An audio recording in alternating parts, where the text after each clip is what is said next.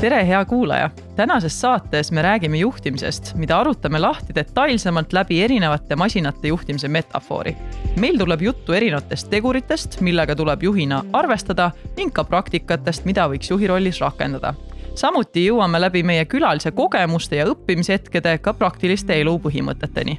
selle kõige avastamiseks oli meil täna külas enda sõnul läbimõtleja tüüp Ahto Orav kes on Audentese juhatuse esimees, erakooli direktor ning ka koolitaja head kuulamist. nii, tervist, Ahto. tere.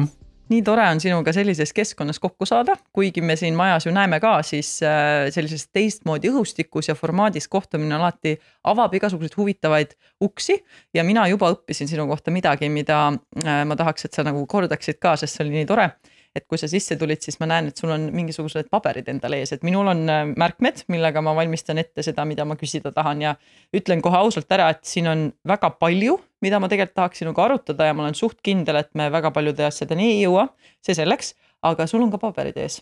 palun, äh, palun ütle kuulajatele ka, et miks on need paberid sul ees, see on lihtsalt nii tore põhjus.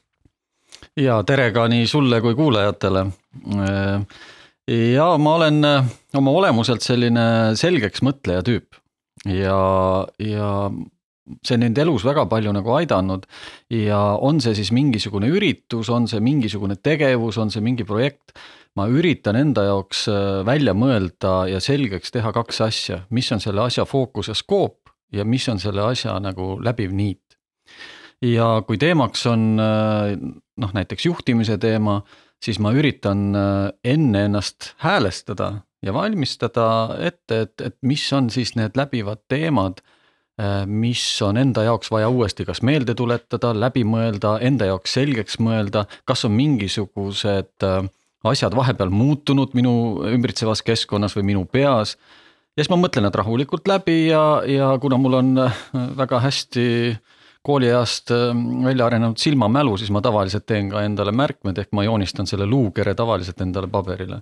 pärast mul seda paberit vaja ei ole, aga see minu enda läbimõtlemise ja, ja läbisünteesimise protsess on minu jaoks nagu olnud alati üsna iseloomulik. see on väga huvitav, see on siis natukene nagu öeldakse ka spikrite kohta, eks, et spikrite tegemine on väga hea, sest see aitab sul läbi mõelda asju, aga samas selle kasutamine võiks jääda olemata ja see on väga huvitav, huvitav äh, tähelepanek, et, äh, et mina ei spikerdanud koolis ja, ja mina ei teinud spikreid sellepärast, et ma ei näinud mitte mingisugust mõtet ega vajadust äh, nende asjadega sahmida eksamil, aga ma kirjutasin endale läbi.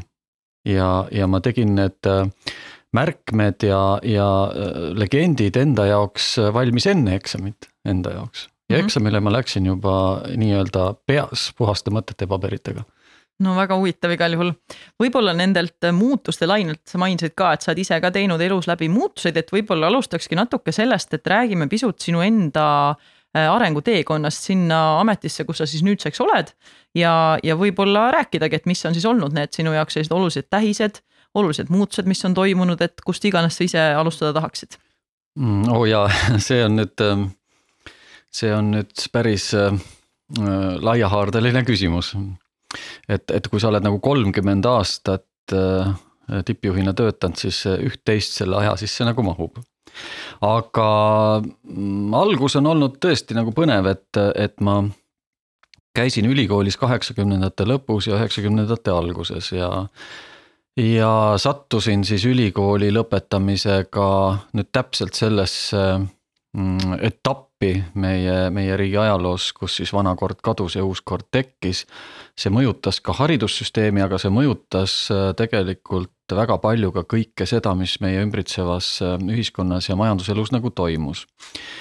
ja, ja peale keskkoolis ma läksin tegelikult õppima Eesti Põllumajanduse Akadeemiasse inseneriks, ma lõpetasingi Maaülikooli insenerina ja, ja kuna see ühiskondlik muutus oli nii suur, siis tegelikult need kõrgharitud noored aktiivsed inimesed said tegelikult selle tõusulaine peal üsna kiiresti siis nii-öelda sellesse arenguprotsessi riigis sisse ja nii ka mina, nii et, et terve minu põlvkond tegelikult tegi mm, suhteliselt kiiret karjääri.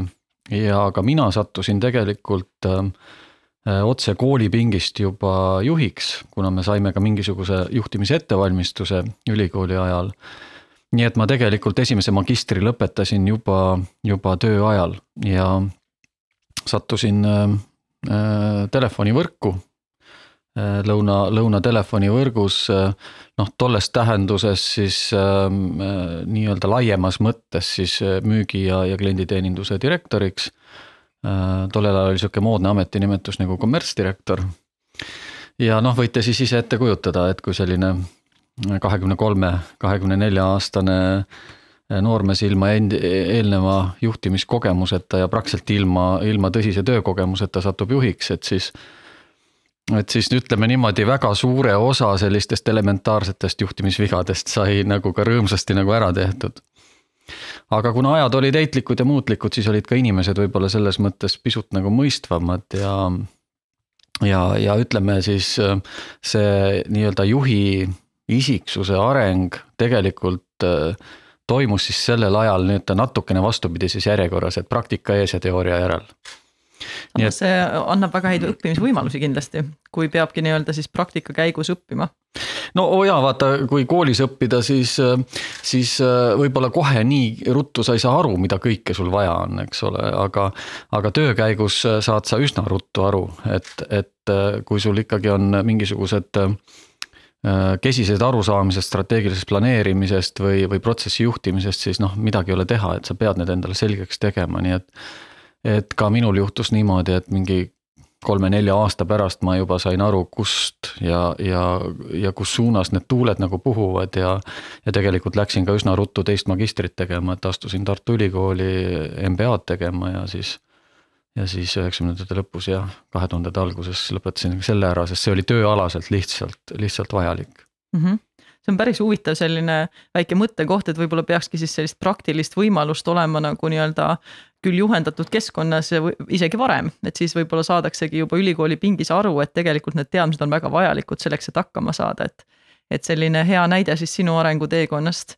okei okay,, äh, kui ähm, natukene võib-olla rääkida lihtsalt laiemalt sellest ka, et mis see, mis see juhi roll üldse sinu jaoks tähendab et seda võib ju mõista nii erinevalt ja see sõltubki juhist ka, et kuidas tema seda näeb. Äh, nüüdseks oled sa olnud äh, kasvõi siin Audentases juba väga pikka aega, eks ja noh, lisaks ma tean, et sa oled veel osaline erinevates äh, nii-öelda juhtkondades ja, ja sellistes hmm, juhtimist äh, suunavates või, või juhendavates kogudes, kehades. et sul on neid kogemusi päris palju, et mis sinu jaoks nüüdseks siis see juhi roll üldse tähendab? ja kindlasti võid jagada ka seda, kuidas see muutunud on, juhul kui ta on muutunud ajas mm.. no eks need ähm, juhtimise raamatuid on ju, ju kõik raamatukogud täis kirjutatud ja, ja neid spektreid on seal väga palju, sest noh, tihtipeale üritatakse seda juhtimise mõistet kuidagi väga üldiselt käsitleda. aga, aga tegelikult on ju, ju väga erinevate valdkondade juhtimised ja, ja nendel valdkondadel on ka omad eri, eraldi spetsiifikad, et on organisatsiooni strateegiline juhtimine, on meeskondade juhtimine, protsessi juhtimine, kvaliteedi juhtimine, muutuste juhtimine nendel kõikidel omad eripärad ja ja, ja noh, et, et võib ju igas valdkonnas ka välja tuua mõned üksikud märksõnad, et mida see siis nagu tähendab, et noh. kas sa muutustes defineerid seda oleku muutusena, et noh, olek A versus olek B või, või midagi muud, et. et aga ma ise olen mm, kasutanud siis sellist autosõidu või bussisõidu näidet ja. ja, ja kui, kui eesti keeles mõeldakse sõnale juhtimine, siis siis noh, meil on kõik juhid, on inimeste juhid ja protsessijuhid ja kvaliteedijuhid ja bussijuhid ja trollijuhid ja. ja elektroonikas on pooljuhid ja et, et me, me ei saa nagu päris täpselt tavaliselt aru, millest me räägime, kui me kasutame sõna juhtimine. ja kui me võtame näiteks inglise keele, siis seal on väga palju erinevaid mõisteid, noh management ja leadership ja directing ja objecting ja ja noh, ma ei tea, isegi kuni lihtsate asjadeni välja, et, et on see riding või hiding või, et iga sõna tähendab konkreetset asja ja osapooled sellest teemast rääkides saavad aru, millest jutt käib. vot meil nagu eesti keeles on natuke keerulisem, et siis peab alati nagu kasutama mingisuguseid liitsõnu või viiteid, et millest jutt käib. aga kui me räägime nüüd organisatsiooni või, või meeskonna või inimeste juhtimisest, siis siis noh, ma olen alati nagu proovinud nagu mõelda niimoodi, et juht on see, kes istub rooli taga. ja, ja noh, ei ole iseenesest väga vahetki, et kas see on auto või, või buss, et aga et, et, et millegipärast on tehtud niimoodi, et rooli taga on üks iste. et seal istub üks inimene ja, ja tema langetab valikuid, et, et kas sa keerad rooli vasakule või keerad paremale või kas sa pidurdad või vajutad gaasi või. Ja, ja milline on su sõidustiil, et, et, et kas sa libedega sõidad nüüd ühtemoodi ja kuiva teega teistmoodi. ja sinu bussis või autos on teised inimesed, kes kõik sõltuvad sinust. kas sa keerad kraavi või sa ei keera kraavi kas sa jõuad sihtpunkti või sa ei jõua sihtpunkti või üleüldse, et kas need seal sinu auto tagaistmel istujad äh, üldse teavad, kuhu sa sõidad? Kas sa sõidad Pärnusse või Tartusse või Narva, Tallinnast on ikka väga suur erinevus, mis suunas sa minema hakkad. nii et tegelikult, kui kanda see noh, näiteks bussijuhi vastutus üle organisatsiooni, siis ega see organisatsiooni juhi roll ei olegi midagi muud kui ühe väga vastutusrikka nii-öelda siis ülekantud tähenduses bussi juhtimise äh, töö mm. -hmm. Nii et siin ma natukene äh, heas mõttes argumenteeriks, et kas äh, sa näed kohta ka kaardilugejal või oled sa pigem selline, kes mm. juhib nii-öelda seda juhti, juht või võtab selle juhi rolli ise üksikuna kuidas sa seda tunned? vaata, seal ongi nüüd see lugu, et sa tõid enne välja siin need erinevad ühingud ja asjad, et need ongi natukene erinevad sellepärast et, et kui sa võtad siin mingisugused näiteks heategevusorganisatsioonid, kus iga aasta juht vahetub. Ehk, ehk sina sõidad praegu, järgmine aasta sa natuke saad puhata, sõidab järgmine. ehk on kokku lepitud bussi juhtimise rollis mm -hmm. ja kes seda täidab, see nii olulinegi ei ole ja, ja, ja ega noh kui on olemas kompetentsid, ega põhimõtteliselt võiks ka Ott Tänak kaardilugejaga vahepeal rollid ära vahetada, kui mõlemad suudaksid seda asja võrdväärselt teha.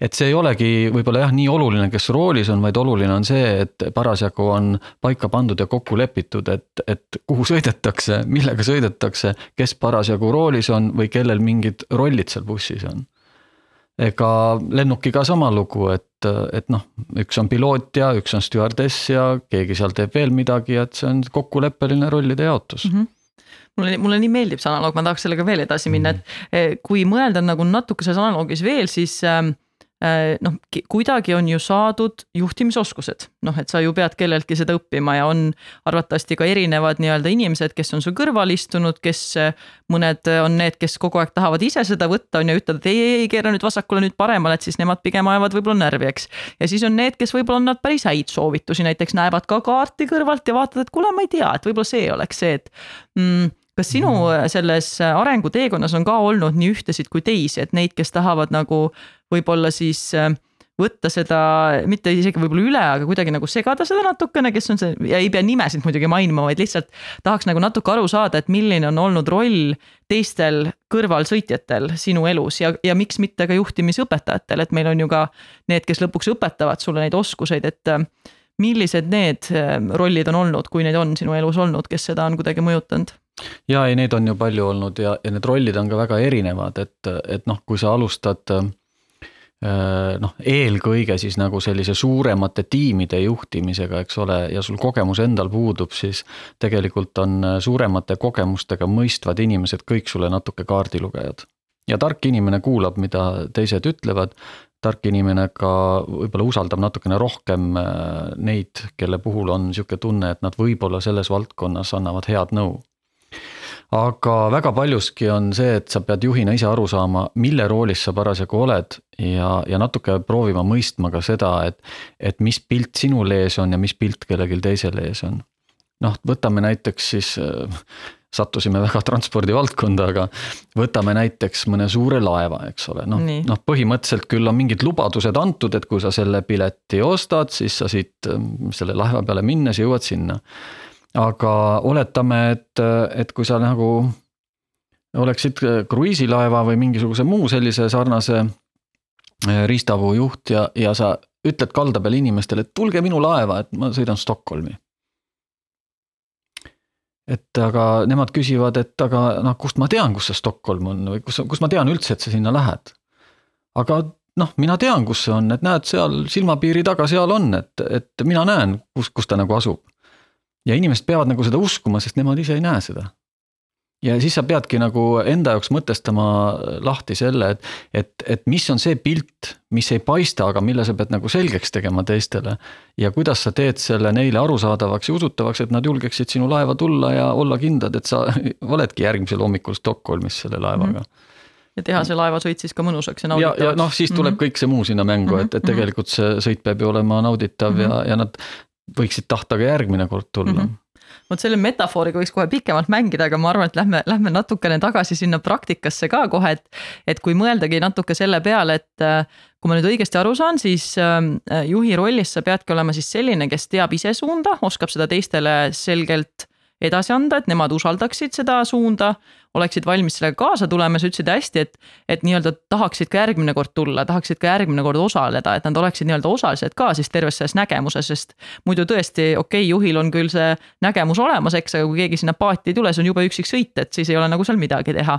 Mm, mis on mõned sellised asjad, mis on näiteks sinu praktikas sellised, mida sa ise oluliseks pead, mis on need asjad, mis juhi, juhtimisstiilis siis, kui rääkida sellest, et sa mainisid seda ka, et kui sa oled nagu nii-öelda autojuht või bussijuht, et sul peab olema mingisugune sõidustiil ka, eks, et kas sa oled sihuke närviline sõitja, kes kogu aeg vahetab radasid või sa oled kuidagi teistmoodi, et. ja mitte ühtegi halba sõna nende sõitjate vastu, neil on oma stiil. Äh, mis, kas sul on selline oma nagu kindel stiil, mida sa proovid edasi anda ja milline see on, et kui sa oleksid valmis natuke jagama? no ma selle kasutan siis seda paralleeli veel korra ära, et, et jah, et ma ise olen nagu sellise kindla stiili pooldaja ja noh, tõenäoliselt nagu väga paljud teisedki, et, et, et selle sõidustiiliga noh, see on üsna varieeruv, et noh, et kui me mõtleme selle autosõidu peale, et siis. siis sellise natukene agressiivsema sõidustiiliga noh, mis tähendab ju tegelikult maantee peal siis iseenda huvide prevaleerimist teiste ees et, et need vaheletrükimised ja kiirendamised ja ohtlikud möödasõidud ja muud asjad. et, et sa võid olla selle stiiliga suhteliselt tõhus, ehk see tähendab seda, et sa jõuad suhteliselt kiiresti kohale. aga selle protsessi tulemus võib olla nagu see, et need äh, sinu auto tagaistmel olevad inimesed äh, võivad sulle öelda seal poole tee peal, et kuule, pea kinni, et me läheme maha, et, et mu närvid ei pea enam nagu vastu mida tegelikult ja... tänapäeva ühiskonnas seda analoogi, sorry, kohe lasen sul mõttel ära lase ära minna äh,. Tahan lihtsalt vahele öelda, et see on jube hea näide nagu sellest tegelikult mm, -hmm. kui palju ka tänapäeval võib olla sellist tunnet, et inimesed tahavadki sealt maha astuda, sest et see on lihtsalt liiga stressirohke neile, kui rääkida nüüd töökeskkonnast, eks. et kui me nüüd oleme, päriselt ei sõida tegelikult autoga, vaid oleme nii-öelda tööorganisatsioonides, eks, et see tegelikult ongi probleem ja tahavadki maha astuda, sest see neile ei sobi lihtsalt enam et äh, jah, nüüd. et see ongi keeruline, see, et ja, ja, ja täpselt samamoodi on nagu selle vastand, eks ole, et, et, et kui ma nüüd äh, ei ole nii väljaõppinud juht või, või mul ei ole siis noh, kas neid isikuomadusi või oskusi nii palju, kui võib-olla peaks olema siis äh, ta välja kukub ju samamoodi, see tähendab seda, et ma oma oskamatusest tulenevalt ei oska ette näha kurvidest tulenevaid ohtusid, ma. ma juba neljandat korda üritan sellest palgiveoautost mööda sõita, ikka välja ei tule, eks ole. Ehk see ebakindel stiil mingil hetkel jõuab täpselt samasse punkti, kus poole tee peal inimesed võivad öelda, et ma tahan maha minna, sest ma ei julge enam ja, ja sellepärast ma ütlen, et see kindel stiil seal vahel tegelikult ongi see, et sa tegelikult äh, kaasad ja kuulad ja arutad ja, ja loksutad neid teemasid paika, kuid mingil hetkel sa oled seal rooli taga ikkagi üksi, sest nüüd sa pead otsustama, kas sa keerad või ei keera. Ja, ja, ja see, ma arvan, on see kõige tõhusam meetod ka nagu organisatsiooni puhul, et, et, et kui sa kaasad kaardilugejaid ja teisi rolle seal noh, selle ürituse või sõidu läbiviimisse, siis mingil hetkel, sõltumata sellest, kuidas sa seda teed, sa ikkagi nagu vastutad seal roolis ja sa pead mingil hetkel tegema valikud, otsused. vahel tuleb teha ka väga raskeid ja ebapopulaarseid otsuseid, eks ole. See käib kahjuks selle ametiga kaasas, sest sa ei saa rooli tagant sõidu peal välja astuda, sa pead kas kinni pidama või lõpuni sõitma mm. -hmm see on, see on päris huvitav mõte tegelikult, et kui mõelda selle peale ka, et lõpuks on see vastutus siis nii-öelda sinu peal, et siis on ka loogiline see, et äh, tegelikult teiste kuulamine ja nende abi ja ütleme nii-öelda nõu küsimine võib olla abiks ja võib olla kasuks ja aitab seda sõitu teha siis nii-öelda mõnusamaks tegelikult ju kõigile. aga samas jah, et keegi peab olema see, kes selle eest vastutab ja, ja see, see peab ka olema teada, et kes see siis on lõpuks, eks ole mm. -hmm. Mm -hmm. ja, ja noh, mis on kindlasti minu arust äh, ka oluline, on see, et noh, see sõltub hästi palju tegelikult nagu juhtimistasemest, sellepärast et erinevatel juhtimistasemetel on see see spidomeetri plokk on nagu väga erinev, eks ole, noh siin moodsamad autod saavad siin mõnede üksikute näitajatega hakkama, eks ole, aga lennuk, lennukis on terve kokpit täis. et, et mida peab minu arust silmas pidama nende erinevate juhtimistasemete juures, on ka see, et, et mis informatsioon on juhil ja mis informatsioon on nendel reisijatel. ja seda ei tohi jällegi samas olla liiga vähe, ehk juhtidel endal peab olema enda armatuurlaud ehk enda juhtimise arvestuse süsteem, mille järgi nad tegelikult saavad aru, kuidas juhtimine läheb mm. -hmm. et, et kas mul läheb nagu täpselt nii nagu, nagu vaja või kuidagi teisiti. ja samas ma ei tohi koormata äh, neid inimesi seal äh, sinuga ühes ruumis koos liikudes üle, sest äh, noh jah, lennuki kapten inimeste rahustamiseks tõesti räägib, et noh, et ilm on ilus ja maandumisel on temperatuur selline ja see tegelikult on väga tore inimestel teada, et, et kui nad lennukist välja astuvad, mis neid ees ootab, aga. aga on suhteliselt nagu ebavajalik hakata Äh, rääkima sõidu ajal seda, et kui suured parasjagu mootori pöörded on ja, ja, ja millised need eripärad nüüd sellel mootoril on ja kuidas need asjad nagu töötavad seal ja. et, et noh, see informatsioon ajab inimesed ju lihtsalt segadusse ja mm, -hmm. Ja igapäevaorganisatsioonis on täpselt samamoodi, et on erinevatel tasemetel need erinevad armatuurlauad, mis on nagu vajalikud arusaamaks kuidas, kas kogu äh, organisatsioon tervikuna liigub, mil-, kuidas liiguvad mingid osad seal ja siis nendes osades töötavad inimesed peavad teadma, kuidas parasjagu nagu olukord on ja mitte koormata neid liigsete detailidega üle mm. -hmm. et oluline on siis see, et vajalik info on olemas, vajalik info on jagatud, aga samas ei ole vaja kõiki detaile kõikide osakondadega ja kõikide inimestega siis nii-öelda organisatsioonis jagada. et peabki nagu siis otsustama seda, et mida täpselt on vaja mm. -hmm.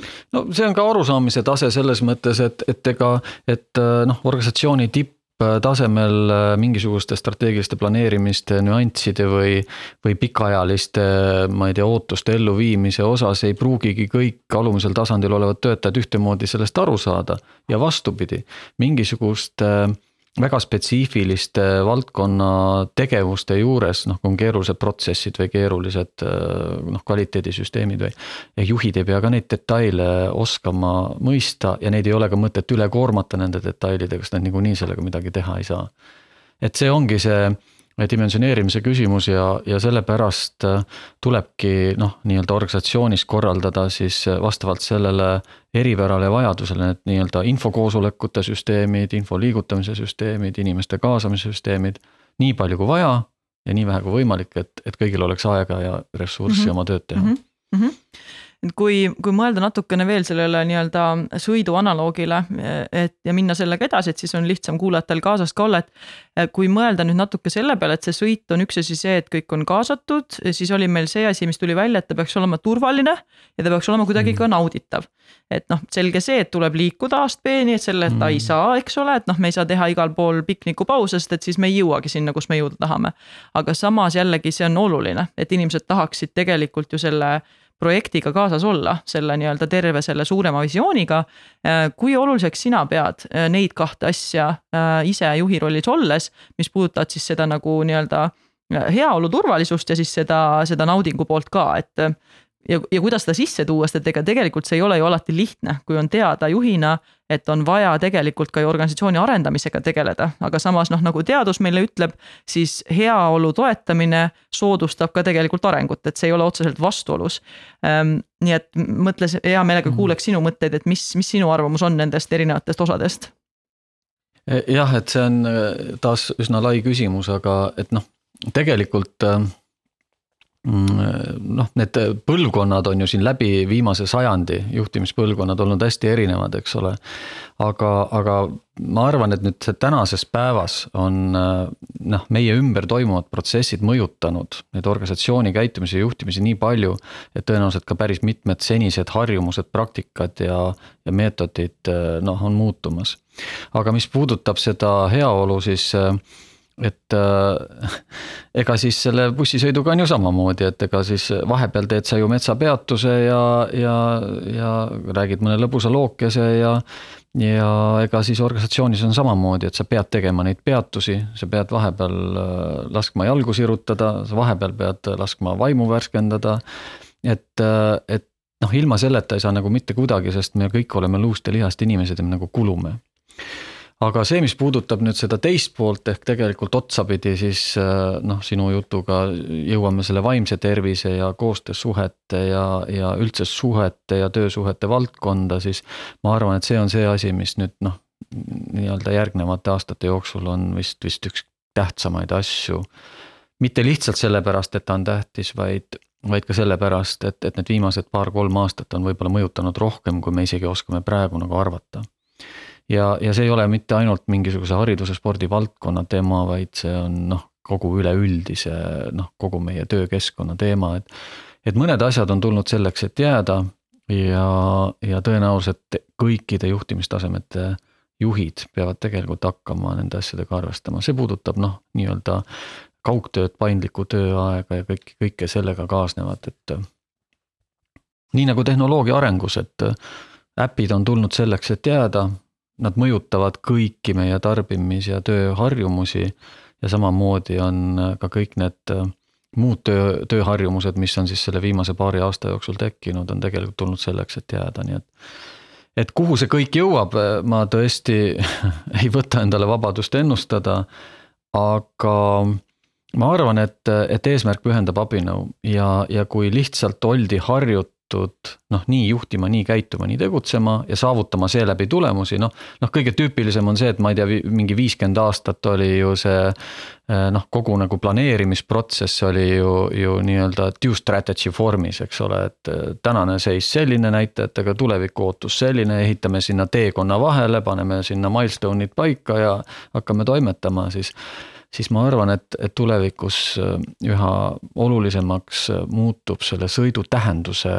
leidmine inimeste jaoks, et aga miks ma peaksin sinuga Tartu sõitma mm? -hmm. et tõesti, sa pakud väga toredat bussi mulle ja, ja sa pakud võib-olla isegi täitsa meeleolukat teekonda. aga et mis ma seal Tartus ikkagi teen? ja, ja vot need asjad hakkavad võib-olla, võib-olla seda noh, organisatsioonisid mõjutama võib-olla ehk isegi kõige rohkem ja noh, sealt tulevad juba järgmised asjad, me jõuame sealt nende motivatsiooniteooriateni ja, ja, ja noh, kõikide muude mm, -hmm. muude teemadeni mm. -hmm.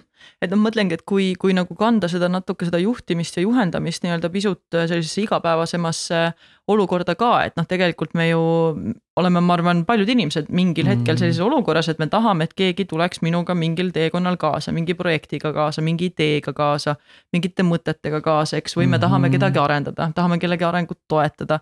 mis iganes see siis on, olgu sa lapsevanema rollis, olgu sa mingi mm, nagu sa ütlesid ka, et noh, näiteks sa juhendad mingisugust koosolekut on ju, sa juhendad mingisugust komiteed, no mida iganes. et äh, me oleme rääkinud siin nüüd hästi paljudest tegelikult erinevatest külgedest, mis nagu mis nagu moodustavad sellise nii-öelda juhtimisstiili, eks, ja mis, mis võiks olla nagu kasulik. Ehm, et mis on sinu nagu võib-olla sellised äh, peamised praktikad, mis, mis sa nagu igapäevaselt oma töökeskkonda tood, et üks asi on see, et me räägime mingitest visioonidest, me räägime mingitest asjadest, me räägime, et see on oluline see on üks asi, aga teine külg on see ka, et kuidas see inimene, kes siis sinuga koostööd teeb, tajub seda, et, et ta teeb midagi, mis on tähenduslik, et ta tajub mm. seda, et tal on turvaline olla, et ta tajub seda, et teda väärtustatakse. sest üks asi on sõnad, aga teine asi on see ju, mida mm. inimene tegelikult igapäevaselt kogeb. noh, ja see võib olla täitsa vabalt ükskõik millises koostöös, et selles mõttes mõtlen, et mis, mis sinu mõtted seal on, et kui palju sa näiteks teadlikult mingeid asju teed, kasutad, proovid, mis aitaksid siis neid kõiki tahkusid natuke nagu igapäevaselt edasi anda inimestega, kellega sa kokku puutud, et nad päriselt ka tajuksid seda. et ta ei ole lihtsalt ilus asi, mida aasta alguses koosolekul rääkida ja siis noh, okei okay,, ma loen selle ära, saan aru ja nüüd nii ongi, et eh, mis noh, kuna inimesed ikkagi ju tajuvad läbi käitumist ja nad tajuvad seda, mis on igapäevane olukord, mitte nii väga seda, mida räägitakse sõnades eks see ongi keeruline, sest, sest keeruliseks teeb selle asja see, et, et inimesed on nagu erinevad et kui nad oleksid robotid, et tuled hommikul, vajutad nupust tööle ja õhtul välja, et. et küllap oleks siis nagu oluliselt lihtsam, aga, aga paraku nii ei ole ja, ja õnneks kah ei ole. et vastasel korral me saaksime ju ainult ühesuguse tulemuse, aga õnneks inimesed on erinevad ja saame ka erineva tulemuse. aga, aga jah, kindlasti, mis on nagu minu arvates nagu tähtis, on see, et et vähemalt ülemistes juhtimistasemetes, et sa ei lase ennast liigselt ära liigutada näilisest. et, et tihtipeale me noh, räägime nagu mingisugustest olulistest asjadest ja, ja üritame serveerida seda võib-olla mingisugusel sobival kujul. et need kujud võivad olla hästi erinevad, need võivad olla siis noh, nii-öelda mingisuguse tähenduse kujundina, noh, on see missioon või mingisugune muu deklaratsioon. Need võivad olla mingisuguste protsesside kujul, et, et väga oluline on neid asju praegu teha noh, organisatsiooni arengu juures äh, võib-olla see, et väga oluline on omada selliseid kompetentse ja nii edasi, et me noh, püstitame mingisugused sellised deklaratsioonid ja ootused ja peame neid nagu võib-olla isegi väga tähtsaks ja, ja võib-olla isegi suht lihtne on võib-olla inimesi kaasata, kui need on olulised asjad või tunduvad olulised. aga sa pead alati vaatama ka seda teist poolt, et, et mis see sisuline pool seal taga on. et, et asjad juhtuvad tavaliselt siis, kui neid hakatakse nagu tegema ja, ja alati peab mõtlema siis nende, nende järgnevate sammude peale, et mis on see samm üks, samm kaks, samm kolm. et, et ma olen ise mõelnud niimoodi, et, et võib-olla teha vähem ja rohkem ära. mitte võtta rohkem ette ja teha vähem ära. et parem kümnest väga olulisest asjast kaks-kolm ära tehtud asja kui kaheksa poolikut asja. et see on üks asi, mida ma olen proovinud nagu nagu silmas pidada. teine asi on see, et, et, ähm, et paljude asjade puhul võib-olla äh, ei tasu kiirustada, vaid peab andma nagu aega. sest inimesed peavad kõikide oma meeltega äh, asjadest aru saama ja endale omaks võtma, see, et, et aju võtab vastu ja saab aru, et see on tähtis, ei tähenda seda, et süda selle vastu võtab või vastupidi, et sa südames oled noh, äh, väga nagu poolt äh, selle lähenemisele, aga aju ei tule järgi, sa ei saa aru, et, et, et mis see siis tegelikult tähendab. nii et tegelikult paljudele asjadele peab andma natuke settimise aega ja nii nagu sa ütlesidki, et, et see, et korra aastas räägid, sellest ei piisa, vaid tegelikult peab erinevate nurkade alt mitu korda nagu läbi käima selle mm -hmm. asja.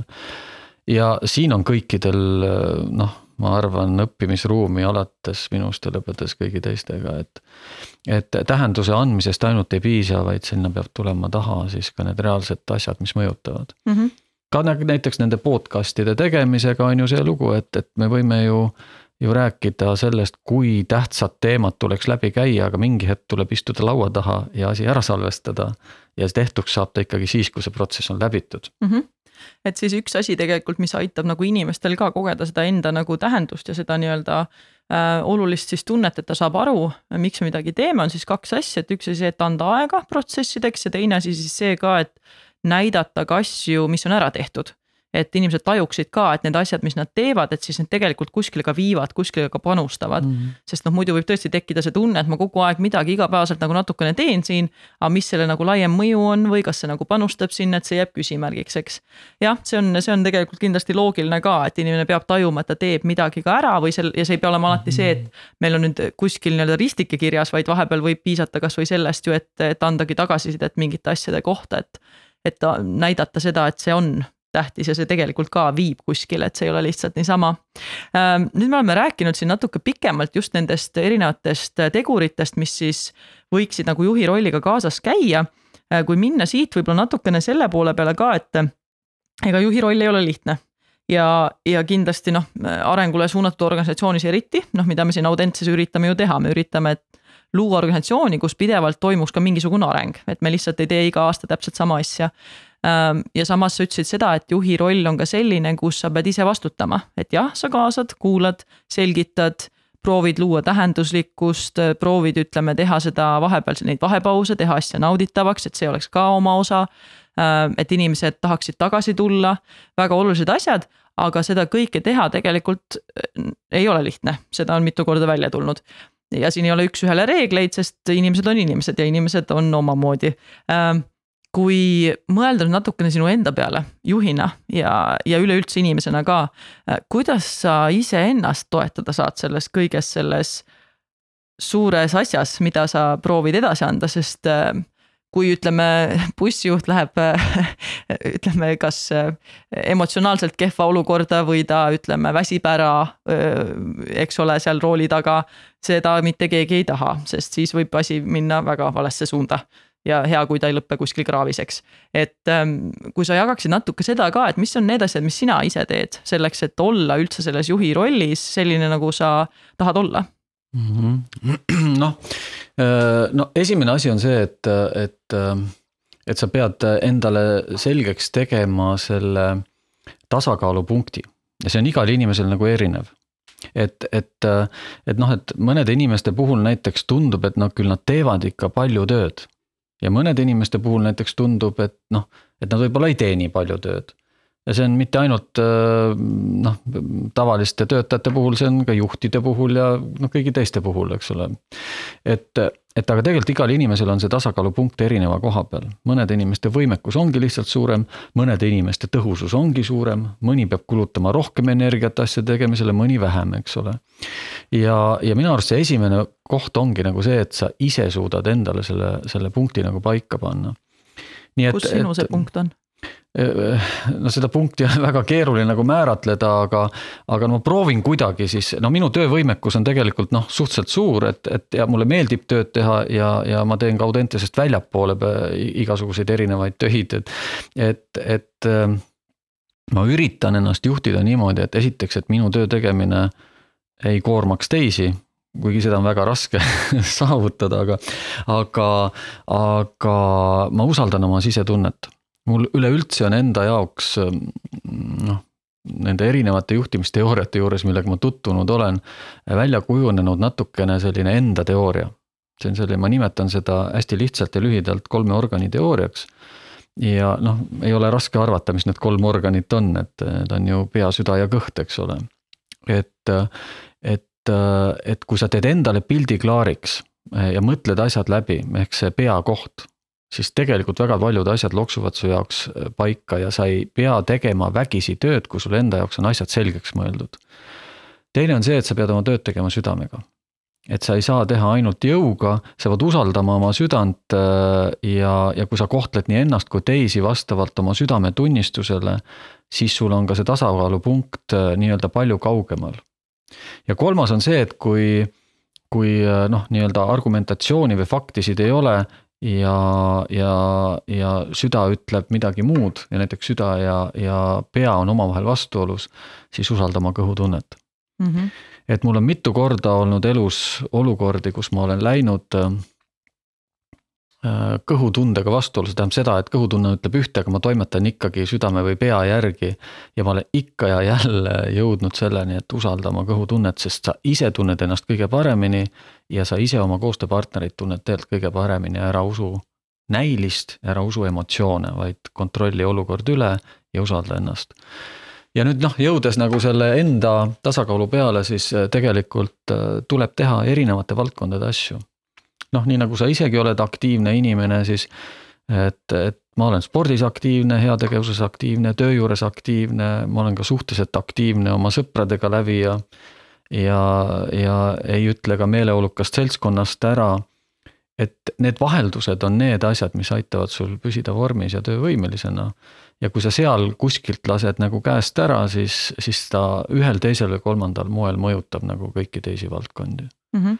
aga noh, nagu paljud teisedki, me kõik oleme siin õppija rollis, me elame esimest korda ja alati ei tule välja, aga, aga noh, tuleb üritada. Mm. -hmm see on tegelikult hea, hea, mis sa siin lõppu ütlesid, et see läheb väga hästi selle sujuvalt sinna, kus ma tahtsin ka jõuda et ähm, noh, inimesed muutuvad kuni elu lõpuni loodetavasti mingil määral või arenevad või kuidas iganes keegi seda nimetada tahab, aga see on jah, võimalik elu lõpuni, see ei lõpe ära kahekümne viiendaks eluaastaks. sest mõnedele meeldib seda müüti vahepeal välja tuua, et vot kakskümmend viis eluaasta, siis sul aju on täielikult valmis ja siis ta enam ei muutu. jah, ta valmis saab selleks ajaks, aga ütleme nii, et ta muutub kuni elu lõpuni, meil on kõigil see võime olemas.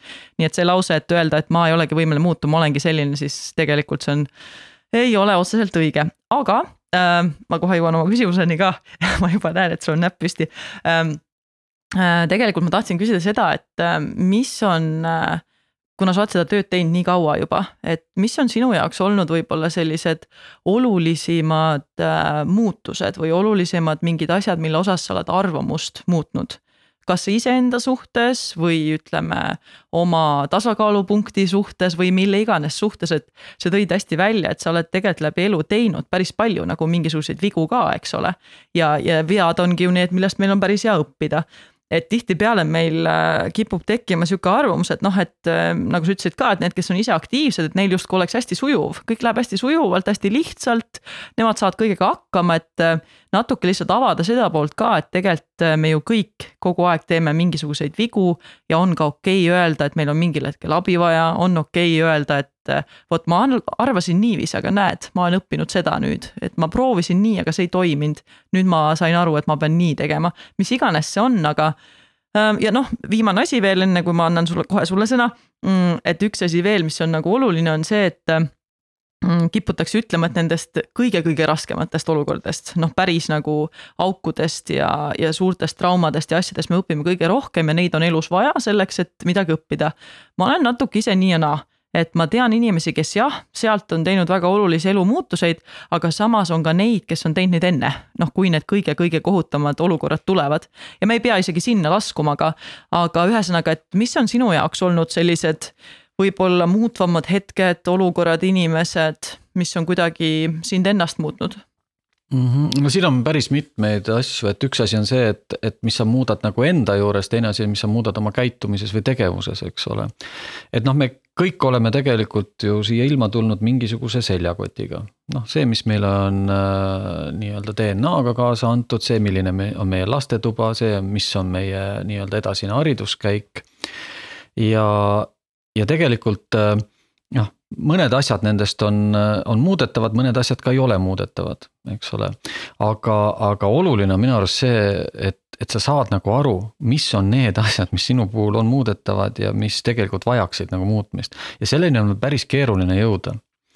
et, et noh, mõned on sellised natukene loomingulisemad inimesed ja võib-olla alati mitte nii täpsed, eks ole. ja kui ta satuvad nagu koostöösuhetesse inimesega, kes tegelikult on sündinud pedant et, et noh, seal ei ole väga palju vaja, et tekiks ootuste-lootuste konflikt.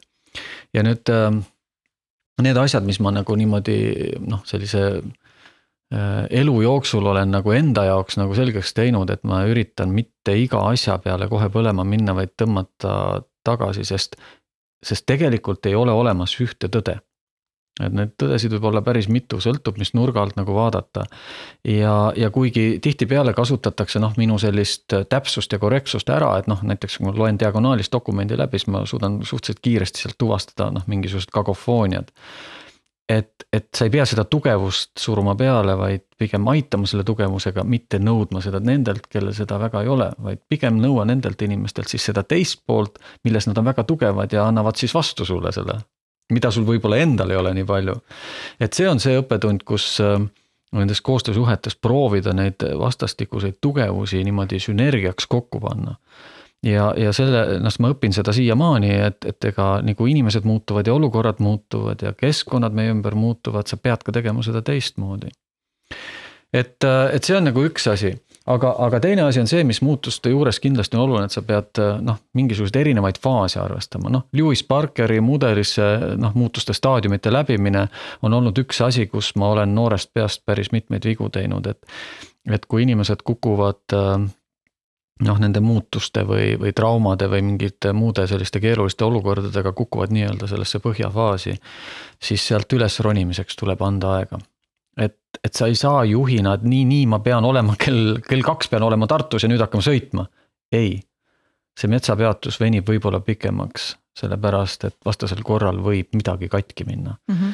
ja see on see asi, mida ma noh, nagu elu jooksul olen noh, proovinud siis noh, enda jaoks lahti mõtestada ja olen proovinud ka lugeda neid asju.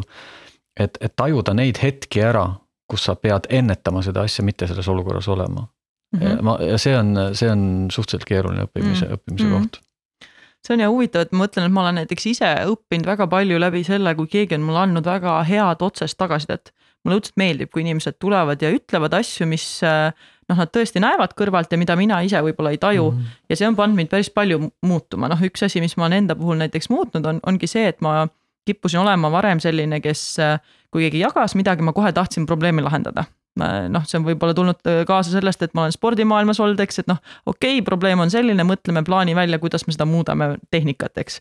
aga, aga seal see ei toimi, et vahepeal ongi nagu hea see, kui lihtsalt võtta samm tagasi ja lihtsalt lasta inimesel rääkida, lihtsalt kuulata, lihtsalt olla olemas ja see oli minu jaoks väga hea õppetund, sest seda muidugi ütles mulle mu enda kolleeg, sõber, kes noh, teab seda minu valdkonda ja kõiki asju, et see oli minu jaoks mm -hmm. nii mhm. värskendav. et ma tegelikult enda sees tahtsin ju seda, et ma olen hooliv ja ma üritan aidata ja ma proovin olla oma sõbral olemas. aga selles olukorras ta ütles, et tead, kuule, ma tean, aga tead mm., lihtsalt kuula. tegelikult see ei ole abiks, kui sa kogu aeg üritad probleemi lahendada. et kas sinul on ka olnud elus mingit sellist tagasisidet, mis on nagu olnud, see ei peagi olema isegi võib-olla kõige lähedasemalt inimeselt, vaid lihtsalt mingit tagasisidet, mis on tõesti pannud sind mõtlema, et aa, okei okay,, jah, see on tõesti asi, mida ma võiksin muuta või mida ma tahaksin tegelikult teha teisiti või näiteks olukord, kus sa ise arvad, et käitud ühtemoodi, aga tegelikult tuleb välja, et see on hoopis teistmoodi mõjunud kellelegi mm. -hmm. mind ennast on need olukorrad õudselt arendanud ja loodetavasti ka pannud mind muutuseid tegema, kas see nüüd on alati nii läinud, kindlasti võtab jälle aega, aga aga need on jube värskendavad ja ma olen nii õnnelik, et mul on neid inimesi ümber, kes mulle seda ütlevad. et muidu oleks jube kurb, kui sa ise arvad, et teed ühte ja tegelikult mõjub teisiti, et on sul ka mingeid selliseid asju ja see on väga huvitav, et sa noh, selle mõtte selle raja peale juhtisid, et, et ma võib-olla isegi natuke laiemalt vastan, et, et. Ähm, et see on tegelikult üldse nagu sellise pideva enesearengu tee, et, et noh, et kui sa äh, töötad ähm, juhi rollis ja valmistad ennast noh, mingite oskustega selleks nagu ette, et noh, selleks on ka teatud füüsilised oskused olemas, et noh. et sa tippjuhina on keeruline töötada, kui sa ei oska eelarvet ja bilanssi lugeda näiteks noh. aga, aga need on arendatavad asjad, aga need, kuhu sina juhtisid selle, selle jutu, on tegelikult need, mis sinu enda sees on ja siin on küll olnud, ähm, olnud mitmeid nüansse ja, ja tegelikult äh, noh, tõenäoliselt äh, vanajumal taevast taipas ka, et mul on üks teekond vaja siin Audenteses läbida. ja, ja, ja noh, nii-öelda jõuda nagu siia haridusvaldkonda et tegelikult ju ma ju noh, Audenteses äh, töötamise ajal ju tegelikult läksin ka Tallinna Ülikooli, läbisin seal haridusasutuse juhtimise pedagoogika ja. ja lõpuks jõudsin ka läbida nii-öelda koolitaja ja mentori paberid ja. ja nende kõikide käigus sa tegelikult saad juurde need asjad, mis sul tegelikult sinu eluteel nagu vajalikud on. ja, ja lõpuks nagu hakkad, hakkad nagu paremini nende erinevate nurkade alt vaadates mõistma nagu neid asju, mis tegelikult sinu puhul võivad teistele inimestele olla pisut arusaamatud.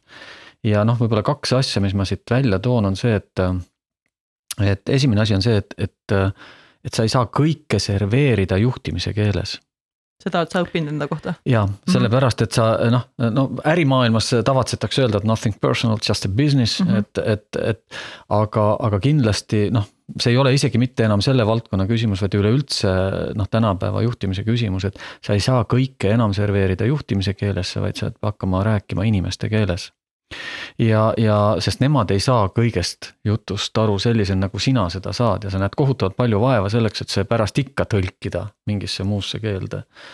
ja teine asi on see, et kõik inimesed ei võta kõiki asju niimoodi, nagu sina arvad või tahad, et nad võtavad ja, ja, ja siis tekivadki need erinevad arusaamised, näiteks noh, sa räägid nagu nõudlikkusest. aga inimesed saavad täiesti erinevalt aru sellest, mis on nõudlikkus ja, ja siin ma olen saanud äh, tagasisidet ja siin ma olen saanud ka erinevate testide kaudu seda tagasisidet ja ma tegelikult pean äh, laskma teatud noh, stampidest nagu lahti, astuma korraks kõrvale ja proovima seda asja panna kokku teistmoodi niimoodi, et ta tegelikult noh, vastavale huvigrupile oleks söödav. sest küsimus ei ole ju ainult töötajates, sul on siin äh, noh, kliendid on sul ümber, lapsevanemad on ümber, eks ole, koostööpartner on ümber ja igal huvigrupile tuleb tegelikult seesama asi tegelikult värvida teise keelde selleks, et see oleks nagu mõistetav mm. -hmm. et see on see oskus, noh, mida tõenäoliselt on vaja kõigil äh, arendada ja, ja siin on ka olnud noh, mul kõige suuremaid möödarääkimisi tõenäoliselt elus üldse mm. -hmm ja see on nii tore, mis sa tood välja just see pool, et, et näha ka iseenda seda rolli selles, et mm -hmm. mitte see mhm. teine inimene ei, ei ole nii-öelda kehvas kohas, et tema ei saa aru, mis mina öelda -hmm. tahan, vaid just vastupidi, et võib-olla on asi minus, et mina ei oska nii hästi seda edasi anda, ma ei oska seletada, ma ei ole teist poolt võib-olla proovinud nii palju mõista. ma ei ole küsinud, kas ta sai sellest ja mismoodi ta mhm. sellest aru sai, eks. et, et see on hästi-hästi tore asi ja see on kindlasti üks põhimõte, mida saab ju rakendada igal pool, et see ei ole ainult juhtimises, vaid see on samamoodi ka igapäevates suhetes olgu see peresuhe, olgu see kellegagi äh, sõbraga suhe, olgu see nagu ähm, kolleegiga suhtlemine, eks, et, et just seesama, sama hästi oluline asi, et näha enda rolli ka, kui on mingi arusaamatus, et mitte see, et see on kindlasti teises on viga, et, et tegelikult on ju see, see koht kuskil seal siis ähm, vahepeal, et see tulebki nagu nii-öelda ära rääkida ja tulebki nii-öelda selgeks rääkida, jah. ja, ja see meile ju meeldib mõelda, et me oleme nii selgelt mõistetavad, et kuidas ometigi, et noh, see on ju selge kõik. ja noh, viimane asi, mida me ju tahame tekitada, on see, et teine inimene tunneb, et tema on rumal, et ta ei saa aru millestki, et noh, see on mitte ükski inimene, ma arvan, ei taha seda saata mitte kellelegi, ma loodan. et äh, siis on asi, fookus võib-olla natuke vales kohas. aga jaa, äh, tundub, et tõesti need märkmed, mis mul siin ees on, umbes äh, ma arvan, võib-olla esimese punkti me jõudsime enam-vähem ära katta, mis mul plaanis oli, mis on täitsa tavaline, tundub juhtuvat siin keskkonnas et võib-olla lõpetuseks lihtsalt äh, veel võtta nagu natukene kokku just sellisel nagu hästi praktilisel lainel, et siit on tegelikult äh, jutust käinud väga palju läbi, noh, mis on need mõned siuksed praktilised asjad. aga kui võtta näiteks, ma ei tea, mingisugune paar põhimõtet või mingit paar sellist äh, praktilist nõuannet, soovitust. ja see ei pea olema juhtimise seisukohast ainult, vaid lihtsalt see, mis sa annaksid nagu oma kogemustest inimesena erinevates rollides Äh, mida sa kuulajale tahaksid soovitada või mis on see, mis sind on aidanud, et sa tõid mitu asja tegelikult välja ka, et mis on sind läbi terve selle elutee ja karjääri aidanud, et mis sa välja tooksid, võib-olla siuksed kaks-kolm peamist asja? noh, eks need äh, soovitused on tõesti arvatavasti üsna individuaalsed, sest igal inimesele noh, on oluliselt erinevad asjad, aga, aga, aga noh, kui me võtame nagu suure, hästi suure plaaniga, siis tegelikult need strateegia märklaua kolm küsimust on tegelikult läbivalt elus nagu olulised, miks, mida, kuidas.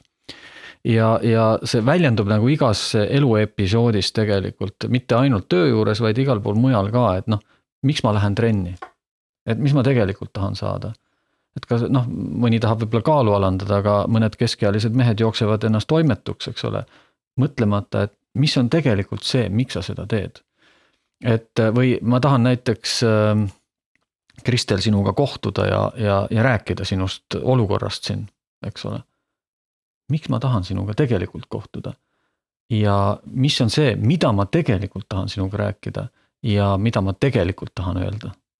ja, ja kolmas on see, et kuidas ma seda teen noh, igas äh, lihtsas episoodis, et ma üritan noh, äh, seda enda jaoks ette valmistada nii palju kui võimalik. Äh, noh, ükskõik, kas ma, kas ma lähen nõukogu koosolekule, ma lähen kuhugi mujale, et, et proovida enda jaoks mõelda mõtted selgeks. vahel tuleb paremini välja, vahel tuleb halvemini välja aga see on üks asi, et, et meil ei ole mõtet tegelikult hakata jooksma, kui me päris täpselt ei sea, ei tea, miks me jookseme ja, ja mida me tegelikult selle jooksuga soovime nagu saavutada ja noh, küllap me oleme kõik elus äh, selles osas olnud pisut kimbatuses, eks ole, et vahel ei saa aru, et aga miks me üldse nagu hakkasime. juba oleme selles mida et, faasis. Ähm, jah, et, et see teeme on, ja äh, räägime, aga miks, seda päris täpselt ei tea.